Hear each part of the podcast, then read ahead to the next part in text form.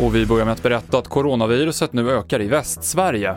Antalet som vårdas på Salgrenska sjukhuset i Göteborg har fördubblats på två veckor. Samtidigt så larmar regionens biträdande smittskyddsläkare om att vissa undviker att testa sig för att slippa restriktioner. Den sista november så löper permitteringsstödet ut för de som korttidsarbetat sedan i mars. Över 100 000 personer är permitterade och det är många oroade företagare som vill ha nya besked från regeringen. En av dem är Helena Andrén som driver resebolag i Stockholm. Vi vill ha ett besked vad de tänker göra. Jag tror att vi kommer att komma tillbaka, men vi behöver fortsatt stöd. Det finns inte så många andra lägen annat än att eh, kraftigt dra ner på personal. Och Frankrike kommer att stängas ner på nytt från och med imorgon för att hejda smittspridningen i landet. Det här innebär att fransmännen bara får lämna hemmet för att handla mat, att få vård eller för en timmes träning om dagen. Däremot kommer de flesta skolor att fortsatt hållas öppna.